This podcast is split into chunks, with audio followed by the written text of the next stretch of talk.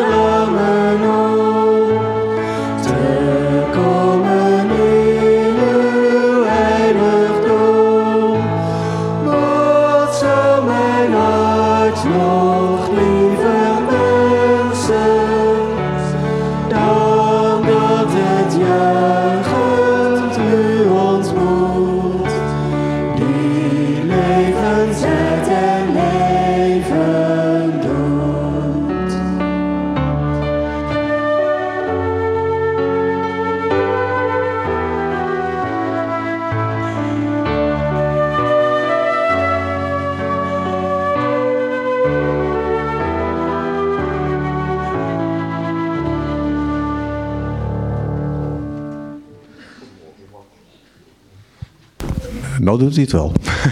Goedemorgen, u mag wel even gaan zitten nog hoor.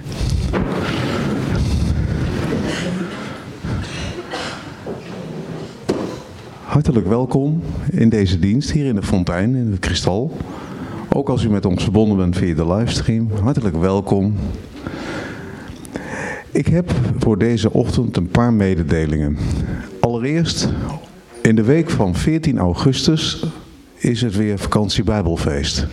Een groot feest wat elk jaar georganiseerd wordt, behalve in de coronaperiode niet. Maar we, ook dit jaar willen we weer gaan beginnen. En als u denkt van, nou, ik vind het ontzettend leuk om mee te denken in de voorbereiding of in de organisatie. Dan kunt u na de dienst kunt u aan deze kant in het gebouw, daar zitten Herma en Hanke, om u eventueel van informatie te voorzien. U kunt daar uw vragen kwijt. U kunt daar eh, informatie ophalen. En misschien zegt u wel, ik ga het doen. Nou, dat zal alleen prettig zijn, want dan wordt de organisatie iets groter. Voor de kinderen eh, eh, die hier zijn, na de dienst kun je ook aan die kant knutselen en pijlen en boogschieten. Er zijn daar dames en, en spulletjes om heerlijk te knutselen. En nou, probeer het eens met een pijl en een boog. Kijken of je iets raken kunt. Dan de, ook deze week is, eh, u heeft het zo ongetwijfeld op de radio ook al wel gehoord, de, de, de kerkbalans is weer begonnen. Ook wij doen daaraan mee. En als het goed is, heeft u een mail in uw mailbox ontvangen. Als u hem nog niet, eh, als u hem misschien gemist heeft, nou kijkt u er eens even naar of u hem kunt vinden. En voor degenen die, waarvan geen mailadres bekend is, ja, die zullen deze week, de komende week wel een, ehm, een, een brief ontvangen om ook mee te doen aan de actie Kerkbalans.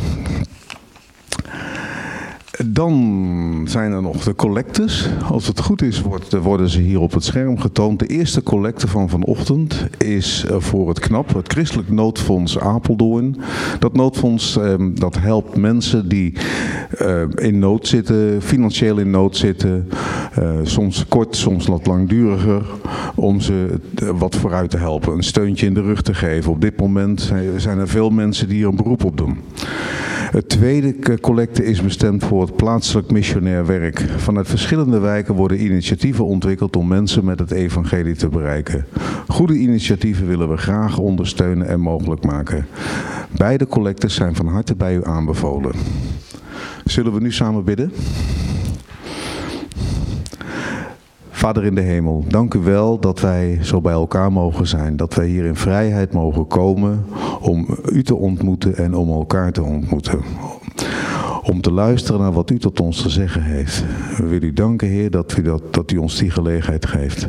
En wil u vragen, wilt u met Sander zijn als hij straks uw woord uitlegt, dat wij er, er opgebouwd mogen worden, dat het woorden mogen zijn van u, die ons bemoedigen, sterken, misschien ook vermanen.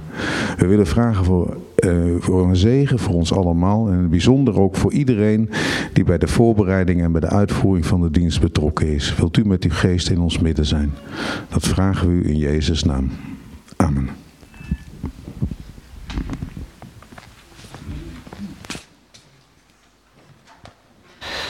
Goedemorgen. Aan het begin van de dienst spreek ik altijd een paar zinnen uit.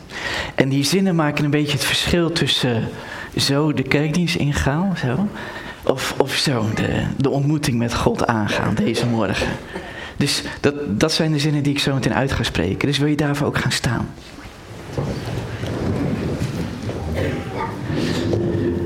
En we moedigen elkaar aan om vanmorgen echt iets te verwachten van God tijdens deze viering. Onze hulp is namelijk in de naam van de Heer, die de hemel en de aarde heeft gemaakt. Die trouw blijft tot een eeuwigheid. En die nooit loslaat het werk dat zijn hand ook met jou begonnen is. Er is genade en vrede voor jullie allemaal. Van God onze Vader, van Jezus Christus onze Heer. In de eenmakende kracht van de Heilige Geest. Amen. En ga gerust zitten. Want Martijn heeft iets op zijn hart. Dus die krijgt het woord.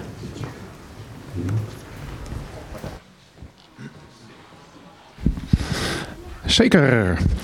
Ja, want ehm, alle mooie verhalen ten spijt. Wat er nu gaat gebeuren is denk ik wel het hoogtepunt van de dienst. Ja, de muziekgroep doet goed zijn best. Sander gaat een prachtig verhaal houden. Maar ehm, als jullie deze schaal met snoep zien, nou, ze gaan er wel wat harder sneller kloppen, denk ik, hè? Zeker. Ja, ja, ja, ja. ja. Nee, dit is echt, uh, daar hebben we echt heel lang over nagedacht. En uh, echt een aantal weken van voorbereiding ook. Nou, we dachten van ja, maar dat moet je niet zomaar doen natuurlijk. Hè, want het is heel belangrijk dat dat goed gebeurt. Dus dit kan ik wel vertellen. Daar zijn we uiteindelijk na lang testwerk en jurybeoordelingen achtergekomen. Dit is toch wel het meest excellente snoep wat er in Apeldoorn te koop was. En uh, ja... Jullie hopen er allemaal op natuurlijk. Maar ik mag dat uitdelen vanmorgen. Die opdracht heb ik namelijk gekregen. En uh, ja, fantastisch om te doen natuurlijk. Hè? Ik heb er al ook echt de hele week aan uitgekeken. Dat ik denk, nou dan mag ik hier eindelijk snoep uitdelen. Want dat is wat ik ook al een beetje op mijn hart heb. Hè? Zoals je dat zo mooi zeggen. Dus uh, ja, snoep uitdelen. Dan zou je denken, nou ja, geef die schaal maar rond. Kom maar op, die lusten we wel, toch? Maar ja, nee, nee, nee, nee, nee, nee, nee, nee, dat gaat zomaar niet hè. Want uh, ja, ik ga eens even kijken aan wie ik dat uit ga delen. Um, even kijken hoor. Ik zoek even iemand uit waarvan ik denk, ja, die verdient eigenlijk wel een snoepje. Even zien hoor. Dan zie ik hier. Uh, oh ja, Dick. Zou jij zo'n lekker snoepje wel, uh, wel willen? Nou, geef maar aan iemand anders. Ja, ja. Ja, dan moet je eerlijk zijn. Dan moet je toch gewoon niet geven, hè? Nee, nou, dat zou natuurlijk zonde zijn als ik nu Dick dat snoepje zou geven. Want ja, hij doet er toch niks mee. Nee, nu, Dick, nu is het te laat. Niet terugklabben. Nee, nee, nee, nee, nee, nee, nee, nee. Dus uh, ja, ik zie Jasmijn daar ook zitten. Maar ik zie, nou, ik zie het al, jij bent met heel andere dingen bezig. Dus uh, dat gaat toch niks worden, joh. Die heeft haar aandacht bij hele andere dingen. Dus uh, ja, daar moet je er verder geen moeite aan verspillen. Even kijken, hier achterin zitten ook nog wel wat mensen. Ja, ja, ja, ja. ja. Even kritisch kijken. Uh, Marjan, Marjan, zou ik jou blij kunnen maken met zo'n snoepje? Lijkt jou heerlijk, hè? Maar ik zie je er een beetje lachend naar kijken. En zo ga je niet met het kostbare snoep om. Ja, dat moet duidelijk zijn. Dat is een serieuze zaak dit. En dan mensen die lachen. Dan ga je toch niet zomaar zo'n kostbaar snoepje aan weggeven? Dat kan niet. Dat kan echt niet. Even hier achterin. Nou, sowieso, nee, die mensen die zondags achterin gaan zitten, die zijn ook niet echt betrokken hoor. Dus dat, die zijn een snoepje ook niet waard, vind ik. Nee, dan moet je maar voorin komen zitten, vind je niet? Dus hier zitten wat meer mensen voorin. Even kijken. Oh ja, de familie Roest is er ook. Ja. Dus uh, ja, jullie zijn wel hele serieuze mensen, hè? Ja, daar ken ik jullie wel van. Dus ja, als je, echt, als je belooft dat je er heel serieus mee omgaat, dan zou het kunnen dat je misschien ja, het snoepje waard bent. Ja, dan ga je naar je man wijzen. Ja. Nou, nou is Joop in één keer de zoete kou. Ja, ja, ja, ja, ja, ja. Nee, zo werkt dat niet, mensen. Nee. nee, ik heb het al door dat, dat snoep... Ja, dat blijft op deze manier echt in die mand zitten. Want ik wil het heel graag uitdelen, maar ik vind niemand die geschikt is. Er is niemand die aan de voorwaarden voldoet. De ene gaat er niet serieus mee om. De ander die gaat naar de man wijzen. En, en, en iemand anders die gaat er weer een beetje om lachen en zo. Dan denk ik, ja, dat gaat niks worden, joh. En, en, en nou ja, dus dan moet ik wat anders gaan bedenken. Dus ik ben op zoek naar mensen hier in de kerk aanwezig. Waarvan ik zeker weet dat dat snoepje goed gaat vallen. Die het waarderen, die er echt van gaan genieten. En die het op waarde schatten. Nou ja, dan is er maar één oplossing. Alle kinderen, kom maar naar voren. Ja, alle kinderen, kom maar naar voren. Dan weet ik namelijk zeker dat het goed gaat komen, toch? Kijk, dat is wel mooi, hè? Ik heb dat nooit bij het kindermoment de kinderen zo hard naar voren zien komen rennen. Nou, dan kan ik jullie wel een lekker snoepje uitdelen, hè? Kijk, kies maar uit. Een lekkere lolly, of een toffee, een roze of een gele of een oranje. Dat is lekker, hè? En daar gaan jullie heerlijk van genieten zometeen. Ja, joh, kijk, zie je, er staat er alleen te juichen zelfs. Zie je? Nou, nee, dan deel ik ze wel uit hoor, mensen die erom staan te juichen. Kijk, jij mag ook er eentje kiezen. Ja, de rest van de kerk die denkt, nou ja, had ik nou maar wat serieuzer meegedaan. Maar ja, het is nou te laat, hè? Het is nou te laat. Nou, pak maar hoor. En dan denkt ondertussen de rest natuurlijk van, ja, maar hoe komt hij daar nou bij, hè? Nou, straks gaat Sander eh, met ons praten over het verhaal van de zaaier. En die zaaier die ging uit om te zaaien. En dan moet je daar maar eens even aan terugdenken. Van ja, maar waar ging die dat zaad nou zaaien? Hè? Als die zaaier nou net zo selectief was geweest als dat ik nu ben, dan hadden wij hier met z'n allen niet gezeten. Even kijken, heb ik niemand overgeslagen? Oh, wacht even, jij wil ook nog wel een lekker snoepje. Want je mag niemand overslaan, hè? Dat zou jammer zijn van het lekkere snoep. Gewoon een lekkere lolly. Ja joh, lekkere lolly hè. Even kijken hoor. Eh, niemand vergeten. Jij had al wel. eh, daar ook nog wel. Oh ja, jij moet er ook nog één toch? Oh, je hebt er al één. Oké, ja. Hey, hartstikke goed.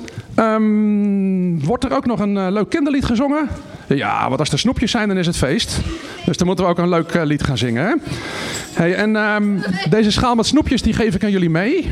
Nou, ik denk dat dat wel goed komt. Dat komt wel goed, denk ik. Hè? Dus ik zet hem hier eventjes neer. Dan moeten jullie hem niet vergeten mee te nemen, ja? Niet vergeten, hè? Ga jij ervoor zorgen? Oké, jij gaat zo zorgen voor de snoepjes. Ik zet ze hier voor je neer. Nou, kom op. Gaan we lekker een lied zingen. Muziekinstrumenten erbij.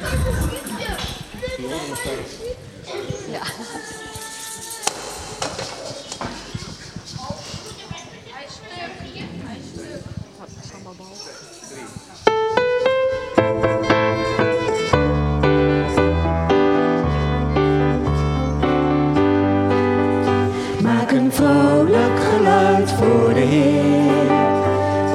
Thuis bent of buiten op straat. Maak een vrolijk geluid voor de Heer.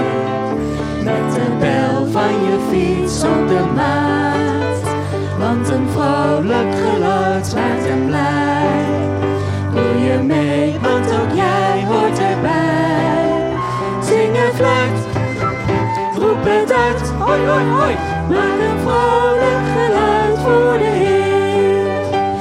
Maak een vrolijk geluid voor de Heer. Of je bruid bent of spoedig of. Maak een vrolijk geluid voor de Heer.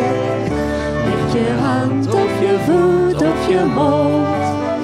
Want een vrolijk geluid maakt je blij. Ben je ziek of gezond, kom erbij. Ook je stem is van hem. Maak een vrolijk geluid voor de Heer. Maak een vrolijk geluid voor de Heer. Of je thuis bent of buiten op straat. Maak een vrolijk geluid voor de Heer. Met de bel van je fiets op de maat. Want een vrolijk geluid maakt hem blij. Dat hij jubelt met jou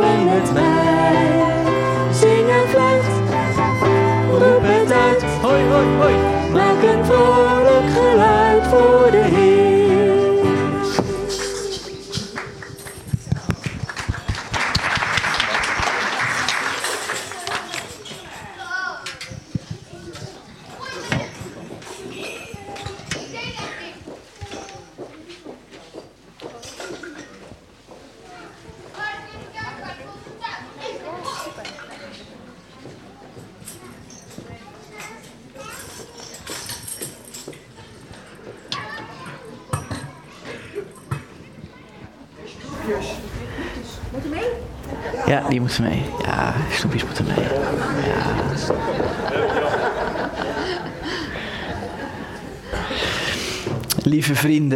Snoepjes die God uitdeelt, het zaait dat Hij zaait in overvloed aan ieder van ons. Dat zijn zijn woorden, dat is zijn stem in ons leven. En daarom nemen we ook in de komende minuten met twee liederen en een gebed daartussenin de tijd om even stil te worden van binnen. Misschien wil je de stemmen in je hoofd even laten bezinken, wat meer naar de achtergrond laten gaan. Soms lukt dat, soms lukt dat niet. Maar zullen we ons samen openen voor wat God jou te zeggen heeft vanmorgen? Bij ons in de kerk geloven we dat God vooral op twee manieren spreekt. Door de Bijbel heen, als je het leest, maar ook gewoon direct, tot je verstand en je hart. Zullen we proberen om daarvoor open te staan en te kijken welke indrukken, welke plaatjes in ons hart of onze ogen, welke woorden en van God uit bij je binnenkomen. We zingen twee liederen daarvoor.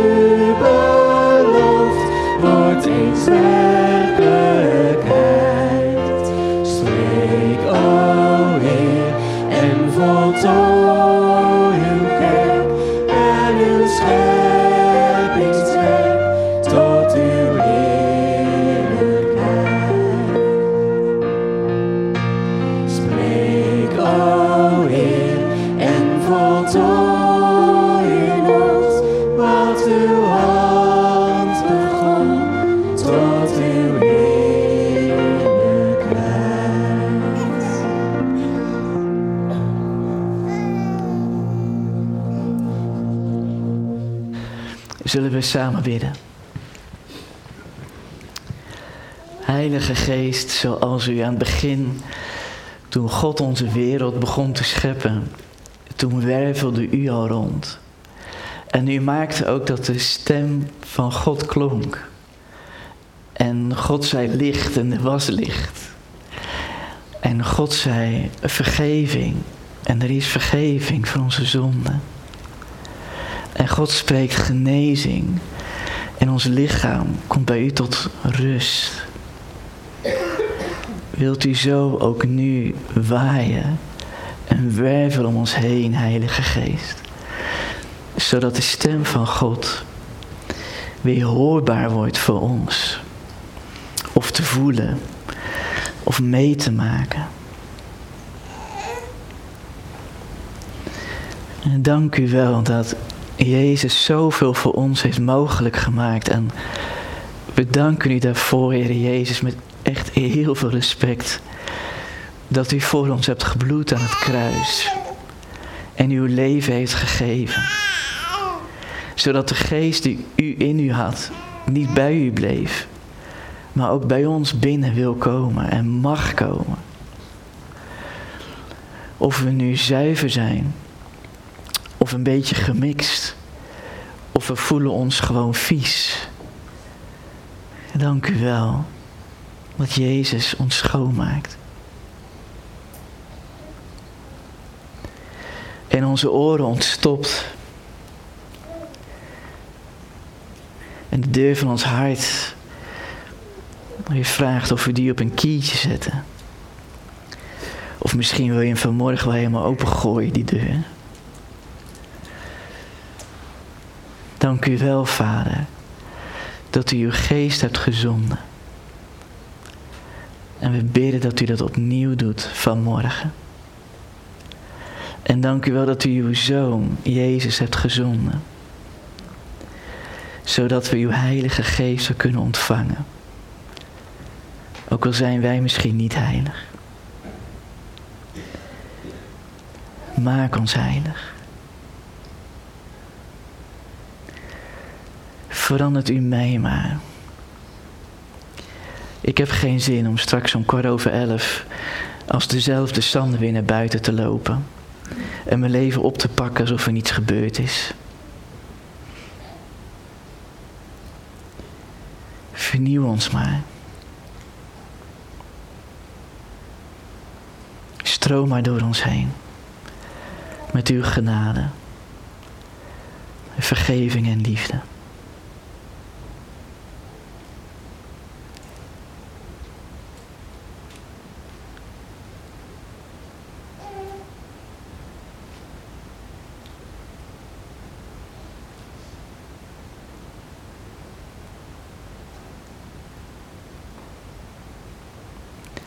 Dank u wel dat u aanwezig bent. We hoeven ons hoofd niet leeg te maken, want u kent ons hoofd.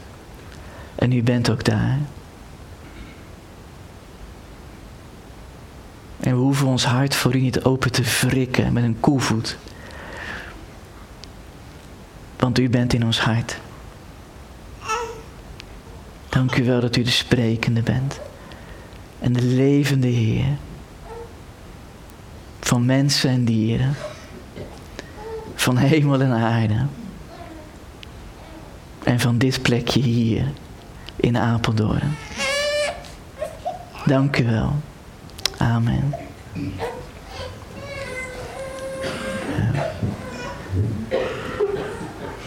Ik hoorde wel eens een Russisch-orthodoxe priester vertellen dat als zij moesten samenkomen in de Sovjet-tijd en ze werden afgeluisterd door de KGB, dan vroegen ze de mensen om zoveel mogelijk hun kleine kinderen en babytjes mee te nemen en die zo hard mogelijk te laten huilen en zo.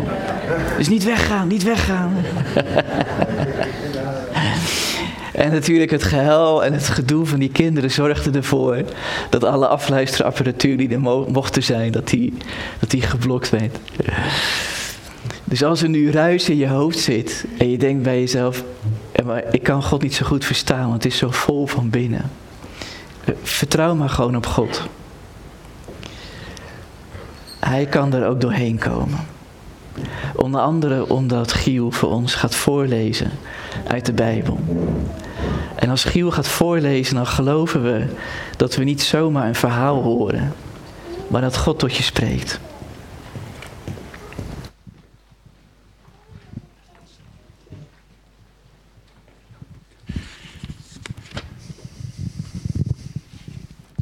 Voor vanmorgen hebben we twee schriftlezingen.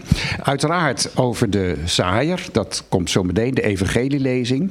Maar voorafgaand daaraan heeft Sander Ezekiel 33 gekozen.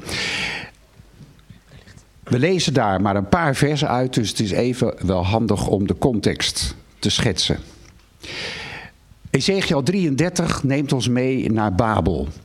Het volk Israël is daar alweer twaalf jaar lang in gevangenschap de grote ballingschap van Israël. En op dat moment, op die dag, bereikt de ballingen de boodschap dat Jeruzalem is gevallen.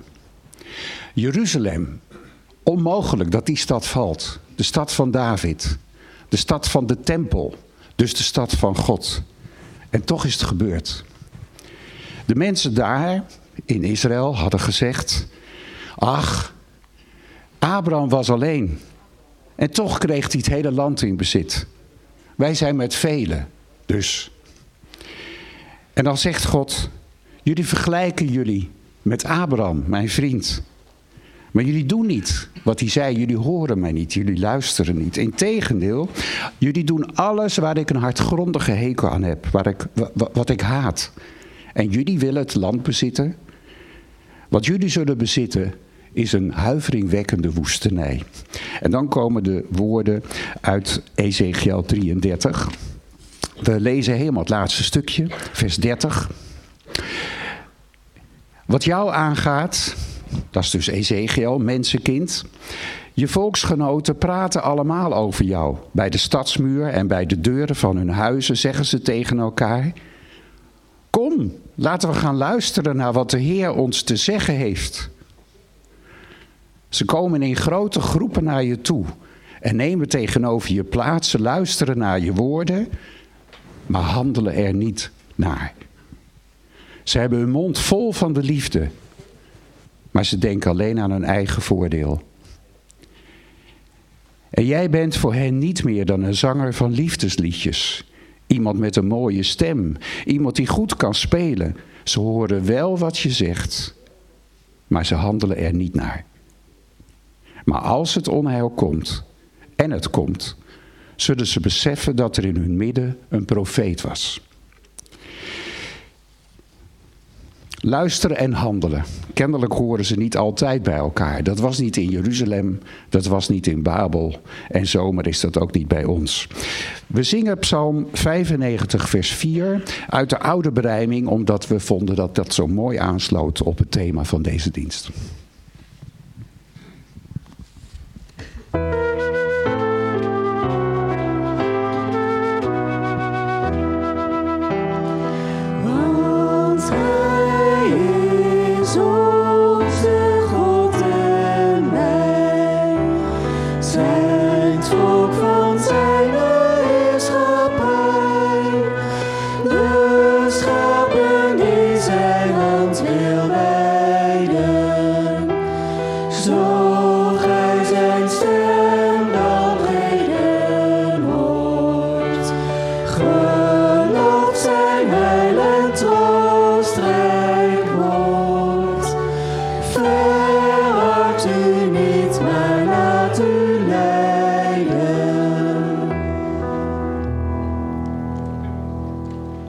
Dan gaan we nu naar Lucas 8.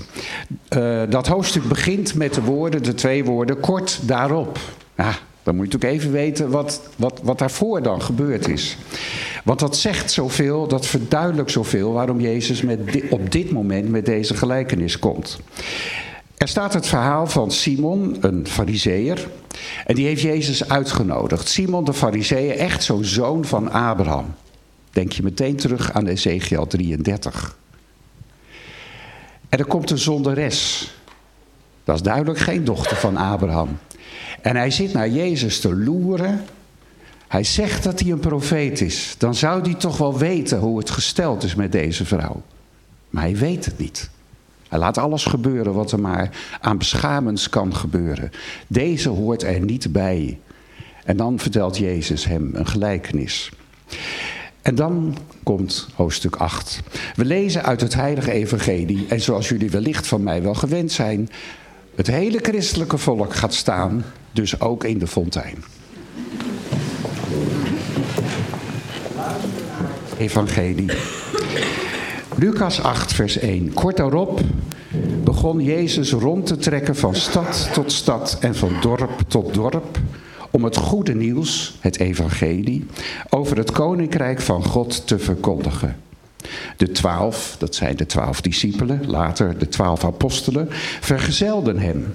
En ook enkele vrouwen die van boze geesten en ziekten genezen waren. Maria uit Magdala, bij wie zeven demonen waren uitgedreven. Johanna, de vrouw van Guzas, de rentmeester van Herodes. En Susanna en nog tal van anderen die uit hun eigen middelen voor hem zorgden.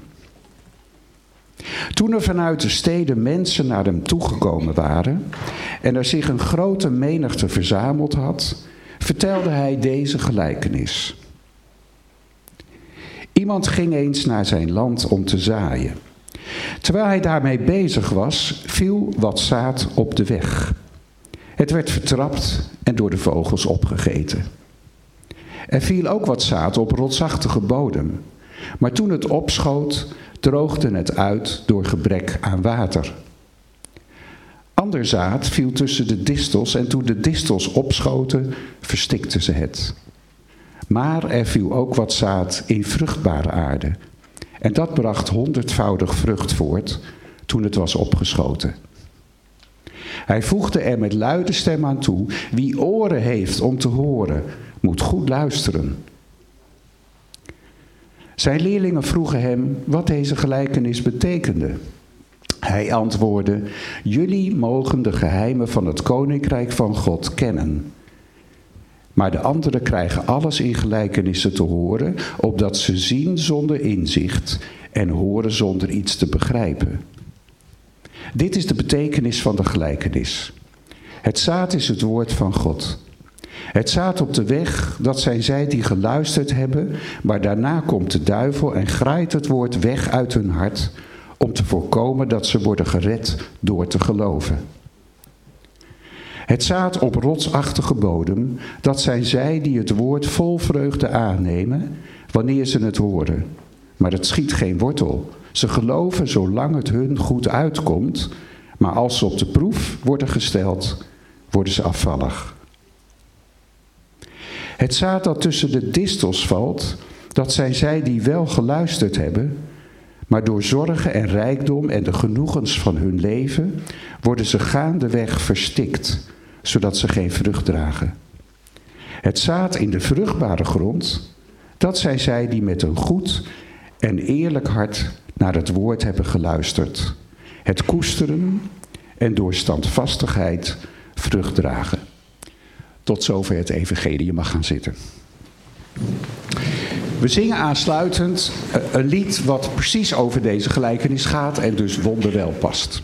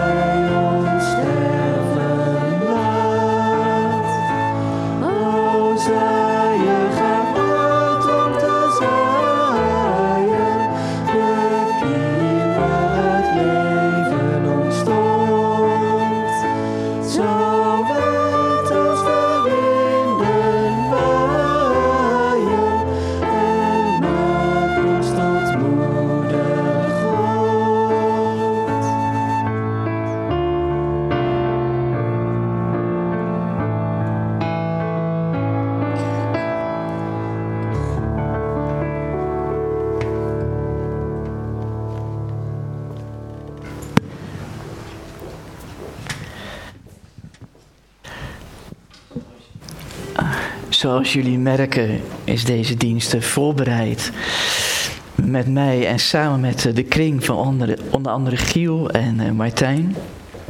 Op die manier proberen we eh, als voorgangers eh, jullie als kringen ook actief bij de diensten te betrekken.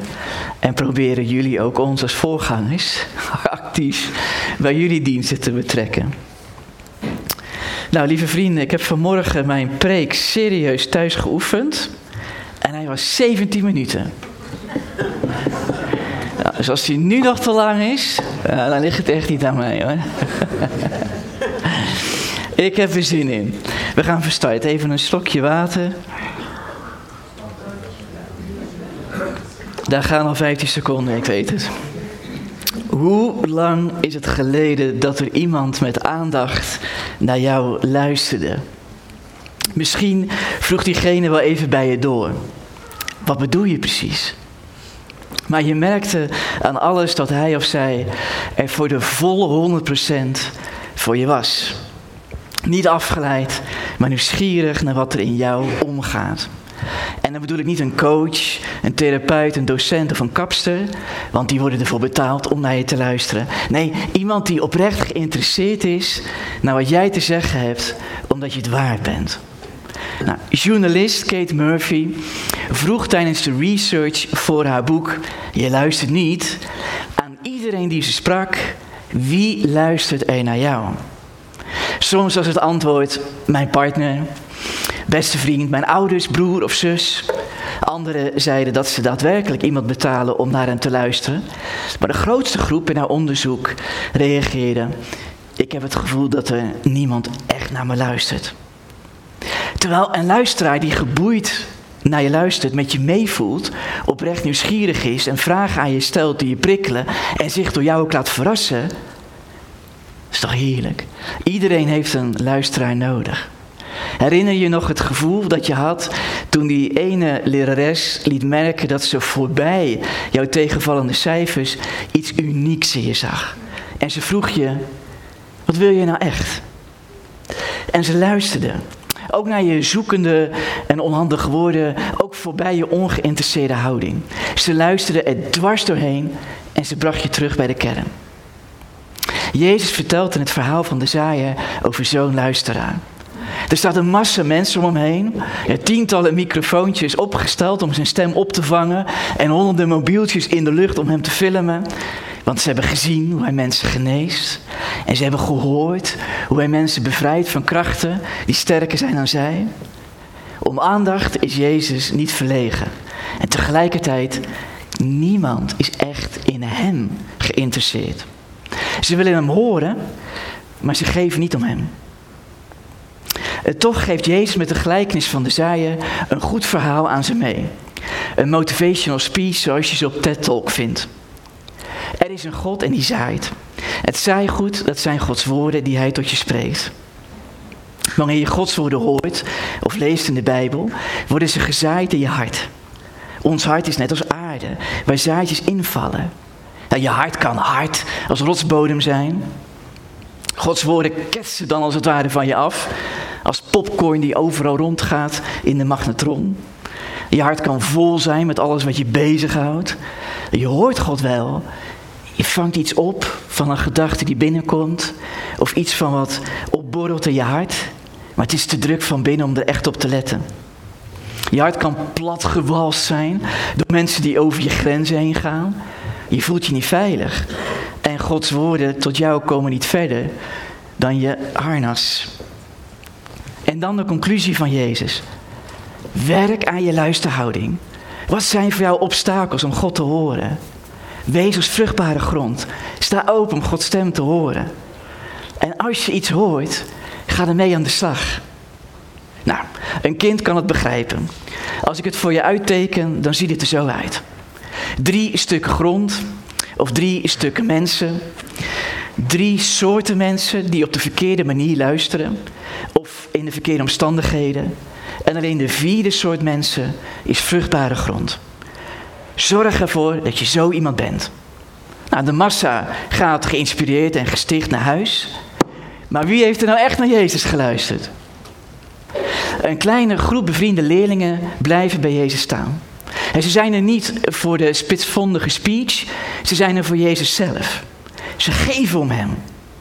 En ze hebben gezien hoe zijn gezicht verstrakte tijdens het verhaal van de zaaier. Er was iets met de toon in zijn stem en dan die hapering in een van zijn zinnen. En de leerlingen, dat zijn trouwens niet twaalf mannen, ook daarbij die Suzanne, over wie je las, en Guzanna, die met het kapitaal van hun mannen, slim hè, Jezus bediening financieren en met hem meetrekken. Het is vrouwen en mannen, blijven staan. Ze zijn er voor Jezus zelf. En ze vragen, wat bedoel je? Wat, wat gebeurde er zojuist bij je? Ik ben benieuwd hoe jij naar Jezus luistert. Want Jezus' opluchting is zo duidelijk merkbaar. Met een gezucht van verademing vertelt Jezus aan de kleine groep wat hij voor anderen verborgen houdt. Hij opent zijn hart voor hen. Nou, als je ooit je hart voor iemand hebt geopend, dan weet je hoe belangrijk het is dat die ander goed luistert. Eén verkeerde intonatie in zijn of haar stem, één verkeerde blik of even wegkijken en je slaat weer dicht. Het is een risico dat je neemt. Voel je je veilig en vertrouwd? Ja, dan is het een heerlijk risico. Eindelijk iemand die zijn ego opzij zet, zijn vooroordelen loslaat, niet uit is op debat of discussie of mij te vertellen wat ik zou moeten doen. Eindelijk iemand die niet iets bij me komt halen of iets op mijn schouders komt leggen. Eindelijk iemand die uit vriendschap of liefde aan mij vraagt: Wil je er meer over vertellen? Stel je voor dat je zo gaat luisteren naar Jezus. Ik geef om u. Ik wil uw hart leren kennen. Wat wilt u me nog meer vertellen? Jezus voelt de vriendschap van deze kleine kring. En hij haalt woorden aan van profeten uit het Oude Testament. Zoals de profeet Jezaja en de profeet Ezekiel. Nou, Ezekiel had in Babel niet zo'n vertrouwde vriendengroep. Ezekiel had alleen maar een massa die naar hem luisterde. God vertelt Ezekiel ze komen in grote groepen naar je toe. Ze luisteren naar je woorden, maar doen er niets mee. Ze hebben de mond vol van liefde, maar ze denken alleen aan eigen voordeel. Jij bent voor hen niet meer dan een van de duizenden singer-songwriters Spotify. We luisteren naar je te vermaak en daarna klikken we door of de afspeellijst gaat verder naar de volgende tune. Terwijl Ezekiel een dijk van een boodschap had. Hij kijken naar de mensen om hem heen in Babel observerend wat er gebeurt in Jeruzalem, ziet Ezekiel hoe het land en het volk Israël compleet uit elkaar valt. En men was de kunst van het luisteren verloren. Onbegrip, verhardend debat, polarisatie, verbale gevechten. Maar ik hoor het al, je bent zo'n linkse woke-idealist. je hoeft mij niets te vertellen, jij bent gewoon zo'n rechtse racist. In Ezekiels tijd, 500 jaar voor Jezus, verloor men elkaar zo hard dat de samenleving weggleed in geweld, ballingschap, dagelijkse gevechten. En naar God luisteren, dat was al helemaal onmogelijk. En zo komt het dat God aan Ezekiel toevertrouwt. Jullie verscheuren vlees waar het bloed nog in is. Vereren niet goden, moorden erop los. Denk je serieus dat je in dit land kan wonen? Jullie vertrouwen op het zwaard, gaan elkaar te lijf, gebruiken vrouwen wanneer je maar wilt. En dan denk je serieus dat je op dit land kan werken? Ik trek mijn handen af van dit land. De aarde wordt een wilde woestenij. Wanneer Jezus zijn hart openlegt voor zijn leerlingen, zegt hij: Ons land is nog steeds zo'n wilde woestenij. We wilden niet luisteren, niet naar elkaar, niet naar God. We kunnen het eigenlijk nog steeds niet. En met het verhaal van, het van de zaaien wil ik je zeggen dat God een nieuw begin aan het maken is. Hij maakt ons tot goede luisteraars. En hij zaait ons uit in de uit elkaar gespeelde samenleving. Hij zaait onze woeste Nederland in. Met mij en met jullie. Als ik het voor je uitteken, ziet de diepere dimensie van het verhaal van de zaaier, als je doorluistert bij Jezus, er zo uit. Er zijn vier stukken land die samen Israël voorstellen. Sommige groepen in Israël zijn hardhorend. Andere groepen in Israël proberen wel te luisteren naar God, maar het lukt niet goed. En weer een andere groep stelt zich open met een zacht en open hart voor Gods woorden. Maar alle vier stukken land delen in Gods liefde. Of ze nu hard of zacht zijn, vruchtbaar of onvruchtbaar, heel Israël wordt ingezaaid met mensen die door God tot goede luisteraars worden gemaakt. Tot profeten. Of ze God nou goed kunnen verstaan, ja of nee. Profeten in het Oude Testament vertellen vaker over een zaaiende God. Als de samenleving uit elkaar valt en het land wordt woest, net als in onze tijd, zaait God die woestenij in met mensen die kunnen luisteren. De dag zal komen, spreekt de Heer, dat ik Israël en Juda zal inzaaien met mensen en met dieren. Mooie die en met dieren. Door luisterend naar Jezus gaat zijn bedoeling met het verhaal van de zaaier een stukje dieper dan je moet wel goed luisteren naar God. Jezus opent een nieuwe mogelijkheid voor je. Hij noemt dat het koninkrijk van God. God trekt je in de kring van het geheim. Onthult jou de geheimen van je hart. Geeft je een nieuw warm hart, een verlicht verstand, een rake intuïtie, hoe je ook bent, wie je ook bent. Je wordt een profeet. Iemand die Gods hart kent en zijn stem begrijpt. Daarom wordt er over ons als kerk gevoegd bij Israël in het Nieuwe Testament gesproken als mensen die de gave van profetie bezitten, samen met elkaar. Laat jij je nieuw maken, dan zaait God je in op de plekken waar mensen een luisteraar nodig hebben. Of het nu harde plekken zijn, met mensen die niet openstaan voor God, of zachte plekken waar mensen zich laten aanspreken door God. Voor de kleine groep leerlingen om Jezus heen gaat het over het lege land van Israël. Dat door God opnieuw wordt gezaaid met Joodse gelovigen zoals hen. Het gaat voor hen om Israëls ballingschap, zoals Giel al zei. En de terugkeer naar het Joodse land. Maar het koninkrijk van God valt niet alleen samen met Israël. Vanuit Israël breekt het koninkrijk door in heel de wereld. En zaait God allerlei samenlevingen in met goede luisteraars. Ook de Nederlandse en ook de Apeldoornse samenleving. Wij zijn ook het zaait. Het is, ook, het is heel grappig om te zien. Dat heb ik niet opgeschreven hoor, dus nu komt de tijd bij, lieve mensen. Als je het leest hoe Jezus het vertelt in het Grieks. Als hij dan zegt, het zaad dat op de weg belandde, dat zijn de mensen die. dan kan het dus terugslaan op de weg waarop het belandde. Het kan ook terugslaan op het zaad dat wordt gezaaid. Dus Jezus maakt een grammaticale rare constructie, waardoor ik tegelijkertijd de grond ben waar het zaad in valt en het zaad zelf ben. Ik word zelf uitgezaaid. Dat vond ik gaaf. Een deel van ons, deel van ons hier, wordt gezaaid op plekken waar je wordt vertrapt. Wat je vertelt over Gods koninkrijk wordt meteen opgevreten door vreemde vogels of weggegrijpt door Satan. Dat zien we, hè? Een ander deel van ons wordt gezaaid op plekken in onze stad waar mensen in eerste instantie weer iets kunnen met onze hoop en liefde voor het goede, maar ze haken net zo snel weer af wanneer het moeilijk wordt. En weer een ander deel wordt door on, van ons, wordt door God gezaaid op de plekken waar mensen aan het overleven zijn. In de snelle wereld van actiepunten en targets, dorens en distels. En sommige van ons worden ingezaaid in vruchtbare grond. Je werk draait echt iets bij. En wanneer je anderen iets laat zien van Gods liefde, pakken ze het op. Jullie zijn het zaad dat wordt gezaaid, zegt Jezus. Nou, als fontein zijn we deze weken op zoek naar onze weg in de stad. Blijven we in het kristal pionierend in Zuidbroek, zoals God ons jaren terug hierin geroepen heeft, of spreekt Jezus nieuwe woorden tot ons, die ons een andere richting opzetten? We kunnen op twee manieren luisteren. De eerste manier is zoals de massa mensen naar Jezus luisterden. En die eerste manier gaat ons zeker iets opleveren. We zullen een antwoord krijgen op de vraag: Heer, waar wilt u ons als fontein hebben? We zullen een oplossing horen voor ons probleem. Maar lieve mensen, hebben we dan geluisterd? De tweede manier is zoals de kleine groep naar Jezus luistert. Luisteren is dan een relatie. In deze tweede manier gaat over een ontmoeting, niet over een oplossing. Bij deze tweede manier van luisteren kom je niet iets halen. Je luistert omdat je om diegene geeft.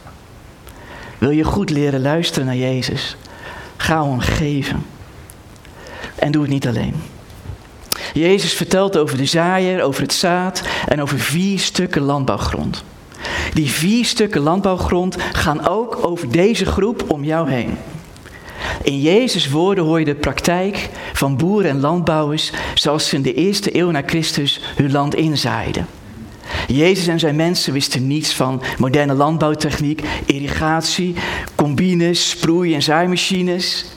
Wilde je de droge, woestijnachtige landbouwgrond van toen vruchtbaar krijgen, dan verzorg je de grond door het in fase te behandelen, met de hand. Iedereen in die tijd wist dat als je droge woestijngrond, zoals in Israël, wil inzaaien met koren, gerst en graan, dan moet je het eerst inzaaien met dorens en distels. Dat zijn vetachtige planten die in de woestenij de grond een kleine humuslaagje geven wanneer ze sterven. Maar distelstruiken hebben zolang ze leven sterke diepe wortels. Die breken de uitgedroogde keiharde grond open, zodat het water van de kleine regenbuitjes de diepere laag in de grond bereikt. Komen de eerste cactusachtige struiken op, dan begin je met overvloedig zaaien, overal. Veel zaad zal nooit wortels schieten en uitgroeit tot plantjes. Het is voer voor de vogels. Die pikken het op, die eten het op, poepen het uit. Mijn zoontje gaat nu meteen giechelen. En het land wat zich aan herstellen is, wordt bemest. Wilde dieren beginnen de opgroeiende doornstruiken te begrazen. Ze vertrappen het zaad inderdaad. Maar ze bemesten met hun uitwerpsel opnieuw het nu nog droge land. De eerste lading zaad die verloren gaat, creëert met het schijnen van de zon, daar overvloedig, fotosynthese. Samen met de eerste kleine humuslaag van gestorven distels ontstaat er allemaal organisch materiaal diep in de grond. Het zijn de bouwstenen van vruchtbare aarde. Langzaam begint de grond tot leven te komen. Iedereen in Jezus' tijd weet dat een vruchtbare bodem een samenwerking is van dorens en distels, vogels die het zaad oppikken, wilde dieren die de grond vertrappen en overvloedig zaaien. Overvloedig ingezaaid worden. En het merendeel van dat proces gebeurt diep onder de grond, onzichtbaar. Luisteren naar Jezus doe je niet alleen. Je bent deel van dit grotere geheel. God spreekt tot dit geheel van ons overvloedig.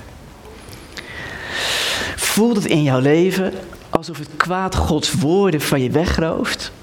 Je bent deel van deze gemeenschap. Velen van ons kunnen je vertellen dat God het meest helder tot je spreekt wanneer je in de grootste crisis zit. Is je geloof zo dun als dat eerste humuslaagje op de woestijngrond? En kunnen Jezus' woorden nog niet echt wortel schieten in je leven? Je bent deel van deze gemeenschap. Je gevoel van falen en je lijden is een onmisbaar deel in het samen luisteren naar Gods stem. Is je leven vruchtbare grond? Want op de een of andere manier, zelfs tot je verrassing, spreekt God tot je en je hoort hem, je voelt hem, je beleeft zijn stem. Laat je dan zaaien in die andere stukken grond. En verzorg elk stukje grond samen met ons. Kleine opschietende plantjes bloeien door jouw verzorging langzaam op of verdorren door je ongeïnteresseerde toon. Luisteren naar Jezus is een kruisbestuiving tussen al onze harten en onze verstanden.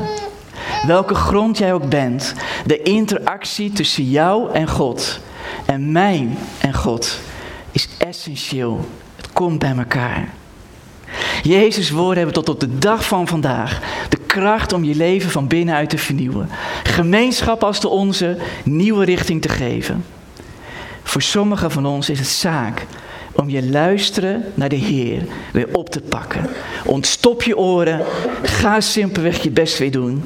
Reflecteer maar eens op jezelf. Hoe goed luister je naar God? Wat zit je in de weg? Ken je die stelletjes in het café? Die al een uur met elkaar aan een tafeltje zitten en op hun eigen mobiel zitten te kijken, omdat ze elkaar niks meer te vertellen hebben. Ze hebben de hoop opgegeven dat ze elkaar nog ergens iets interessants te vertellen hebben en elkaar kunnen verrassen. Luisteren naar Jezus is opnieuw de hoop oppakken dat Hij je gaat verrassen. Zet je mobiel uit, kijk hem weer aan, ga voor zijn hart, zoals het klopt voor jou en voor de plekken waar je wordt gezaaid. Durf je te geloven dat als jij op het terrasje zit, Jezus stoelen opzij zet, naast je komt zitten simpelweg tijd met je doorbrengt. Misschien voel je je aangesproken door het idee dat jij zelf gezaaid wordt op harde en zachte plekken in de kerk en in de stad. Laat je hart door Jezus en door het doorgebroken koninkrijk van God standvastig maken. Edel en goed. Versta je zijn woorden omdat je iets bedenkt of voelt of meemaakt of droomt dat op Jezus lijkt? Vraag dan door naar het hart van God dat achter je indrukken zit. Blijf luisteren wanneer God je morgen zaait op de harde en zachte plekken, bij jou op school, op je werk, in de buurt, in onze stad. En misschien denk je bij jezelf, ik kan al die stukken grond wel bij elkaar zijn. soms ben ik dit stuk grond, soms ben ik dat stuk grond. Klopt. Dorens en distels, vogels en Satan, wilde dieren, droge grond, worden in jouw leven door God te goede gekeerd om beter zijn stem te leren verstaan. Ook hier in onze gemeenschap luisteren we samen naar Jezus. Jouw bijdrage is van levensbelang. Serieus, van levensbelang. De vraag is niet over twee jaar waar de fontein terecht is gekomen. De vraag is over twee jaar of wij samen dichter naar Hem zijn toegegroeid, meer om hem zijn gaan geven en zijn hart beter hebben leren kennen. En als we dat over twee jaar hebben mogen ontvangen en met onze actieve wil hebben mogen doen, dan hebben we geluisterd. Waar we ook terecht gaan komen. En of we hier nu blijven of niet. Vertel aan de mensen hier om je heen wat je hoort van God. Profeteer. Hoe suf of saai of zweverig. Mooi hè, drie S'en. Zit ik niet eens te bedenken. Hoe suf, saai of zweverig het ook klinkt in je oren. Het lijkt wel op een S. En de God van alle talen en van alle klanken zal je luisterende om Jezus gevende hart inzetten. Om iedere grond in Apeldoorn te zegenen met zijn liefde. Amen. Wanneer wij samen gaan luisteren en gaan zingen, vind je een paar papiertjes op je stoel of naast je stoel en je vindt een pennetje. En ik zou je willen vragen om wanneer we zingen samen, en het zal gaan over dat we een huis van gebed zijn, en dat we ook samen leren profiteren. Ik zou je willen vragen om tijdens het zingen gewoon eens te kijken wat er bij jou gebeurt. In je denken, in je voelen, in je lichaam, als je je ogen doet, in je verbeeldingskracht. En schrijf eens op wat daar gebeurt. Dat mag gaan over God en jou. Het mag gaan over jouzelf. Het mag ook gaan over God en de fontein. Maar kijk eens wat daar gebeurt. Ik wil dus ook de muziekgroep vragen om het lied misschien nog wat vaker te spelen, gewoon rustig aan te doen. Je hoeft niet meteen mee te gaan zingen, mag natuurlijk wel. Zingen kan soms heel erg helpen om God te verstaan. Je hoeft jezelf niet helemaal leeg te maken. Je mag gewoon horen wat je hoort. En zingen wat je te zingen hebt. Dus kijk maar of je wil zitten, of je wil staan. Soms helpt het om te gaan staan, om Gods stem te horen. Actief worden. Kijk maar eens welke houding jij nodig hebt om met Hem bezig te zijn en te zoeken naar Zijn stem. Maar ik wil je wel opvragen om iets op te schrijven. Hoe suf en saai en zweverig het ook mogen zijn.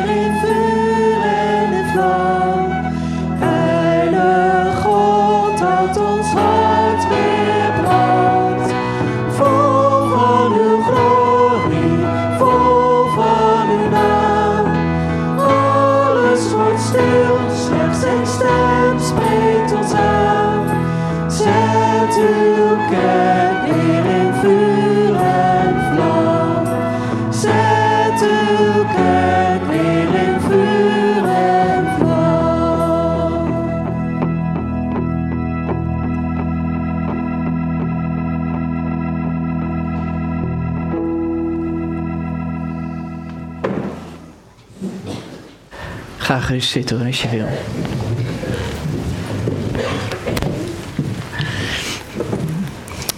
Samen bidden we. En uh, neem tijdens het gebed ook gerust de tijd om te luisteren naar God op jouw manier.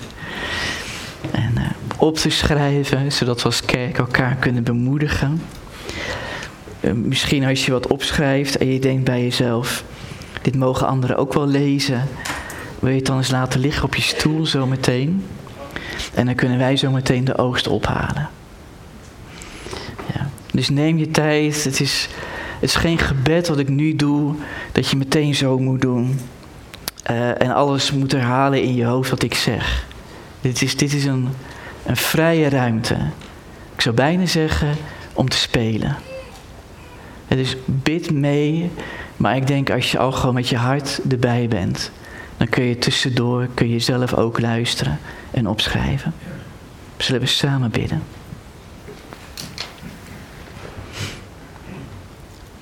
Heer onze God, u weet onze vragen over de toekomst van de fontein.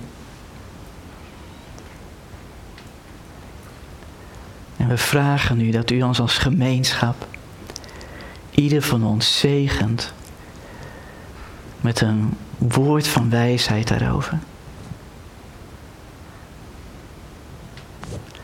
We bidden dat uw stem klinkt. En dat we elkaars gedachten en gevoelens daarover echt kunnen samenbrengen. Dit is niet een kwestie van beleid, strategie, of management, of leiderschap. Dit is een kwestie van luisteren. Dank u wel voor uw Heilige Geest, zodat we kunnen luisteren naar elkaar en naar u. vraag gebed voor een neefje van een van ons, Tijmen. Ligt met het RS-virus in het ziekenhuis. Het is het neefje van Emiel Annemiek. En we vragen hem. We vragen nu dat u hem doopt met uw liefde. Met uw genezende kracht. Dat u hem onderdompelt in uw naam en aanwezigheid. We vragen opnieuw gebed voor Dick en Hanneke Eertink. Ze hebben klap op klap gekregen. Nog voordat Hanneke's vader begraven werd, overleed haar moeder. En we bidden dat u opnieuw tot hen uw woorden spreekt zodat ze bemoedigd worden en gesterkt.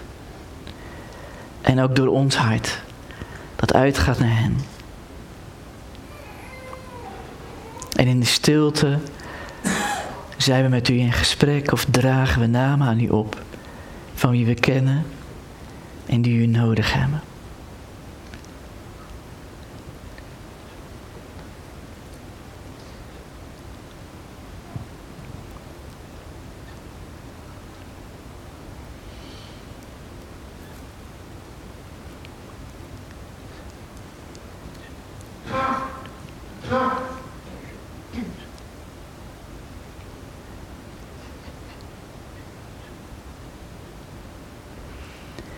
Samen met de mensen die met ons meekijken via de livestream, dragen elkaar aan u op. En zegen hen en zegen ons. Dank u wel, Vader, Zoon en Heilige Geest. Amen. We collecteren samen. En terwijl we collecteren, wil ik jullie iets vertellen over mensen die we nodig hebben, jullie dus, om onze gemeenschappen mooi te laten draaien. Um, ik heb eh, zes mensen nodig, terwijl de collecte gewoon mag beginnen hoor. Dus ik weet niet, uh, via de QR-code, via mandje. Oh, de mandjes komen al, dankjewel, geweldig. Um, we hebben zes mensen nodig bij de kinderoppas 0 tot 4 jaar. Dus ik wil jullie vragen om daar even over na te denken en dan je hand op te steken. En dan kom ik even een kaartje naar je brengen, zodat je even herinnerd wordt dat we even contact met je opzoeken over hoe je je kan inzetten voor de kinderoppas 0 tot 4 jaar. En ik heb de hele collecte de tijd. Dus uh, als je denkt bij jezelf, nou, geef mij maar zo'n kinderoppaskaartje. Ik wil wel eens even kijken of ik daaraan mee kan doen. Zijn de mensen in ons midden aanwezig die daar eens over na willen denken? Zodat je mij losmaakt van deze kaartjes. Spannend, spannend. Ik denk het concreet houdt het in dat je één keer in de hoeveel tijd denk je? Eén keer in de maand? Zes weken? Ben je aanwezig bij de oppas? Denk één keer in de zes weken, of zal het in de maand zijn? Als er genoeg komen, zegt Wim, dan is het gewoon één keer in de vier weken of één keer in de zes weken.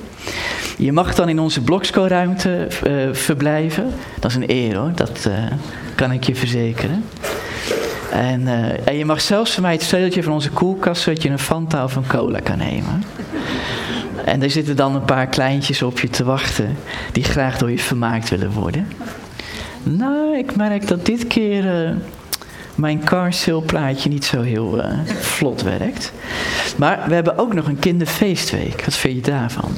Dat is zometeen eind augustus. Dus dat is nog een tijdje verder weg. Hè? Dus als je daar niet voor opgeeft, heb je nog genoeg tijd om erover na te denken. En het kinderfeestweek betekent dat we een week lang, meestal is dat drie dagen of vijf dagen, de kinderen uit Zuidbroek hier een mooie plek geven in het kristal. En uh, een beetje entertainen. En ondertussen natuurlijk mooie verhalen, zoals de zaaien, doorgeven. Dus het is in augustus. En ik denk wat er dan concreet van je wordt gevraagd, nou dat weet ik eigenlijk wel zeker, is dat je een aantal avonden mee voorbereidt. Denk aan drie à vier avonden in de komende maanden. En dat je op een aantal blokjes van een paar uur in die dagen aanwezig bent om te doen. Wat, vinden jullie dat beter idee? Hebben jullie daar meer gevoel bij? ja? ja? Is er een handje aan wie ik een mooi kaartje mee kan geven? Zoeken, zoeken, zoeken. Nee? Nee? Nee. nou, dan hoop ik dat de oogst op de kaartjes beter is vanmorgen. Hoop ik dan. En denk er nog eens thuis over na. Wat je daarmee kan doen. Iedereen van ons zit met een drukke agenda. Serieus hoor.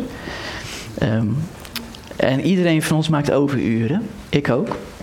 Dus denk eens bij jezelf over na dat je misschien wat meer vanuit Gods kracht of vanuit het idee, ik ga het gewoon een keer proberen. En ik zie wel hoe het loopt. Het is bij ons in de Fantijn niet zo dat als je eenmaal iets bent, dat je dan een bepaalde functie hebt. En dat je dat vier jaar lang vol moet houden of zo, iets dergelijks. Dus je kunt ook gemakkelijk naar mij toe lopen of naar iemand die daarover gaat. Mensen van de kinderkerk, van de oppas en van kinderfeestweek. De mensen die daar zo meteen zitten hebben overal verstand van volgens mij. En kun je gewoon eens vragen. Want bij ons in de Fontijn zijn we juist op zoek naar hoe je je gaven in kan zetten en je talenten in kan zetten. Dus misschien is het oprecht echt zo dat je nu bij jezelf denkt: volgens mij is dit niet wat mijn bedoeling is om dit te gaan doen. Maar ik zou je wel willen vragen om ervoor te bidden. Als jij het niet bent, dan anderen. Nou, ik heb nu toch wel mijn best gedaan, vind je niet? Ja, zeker weten. Lieve mensen, dank jullie wel voor jullie aandacht. We gaan ons slotlied zingen. En dat is Heer en uw liefde schijnen. Licht en uw liefde schijnen. Zullen we erbij gaan staan?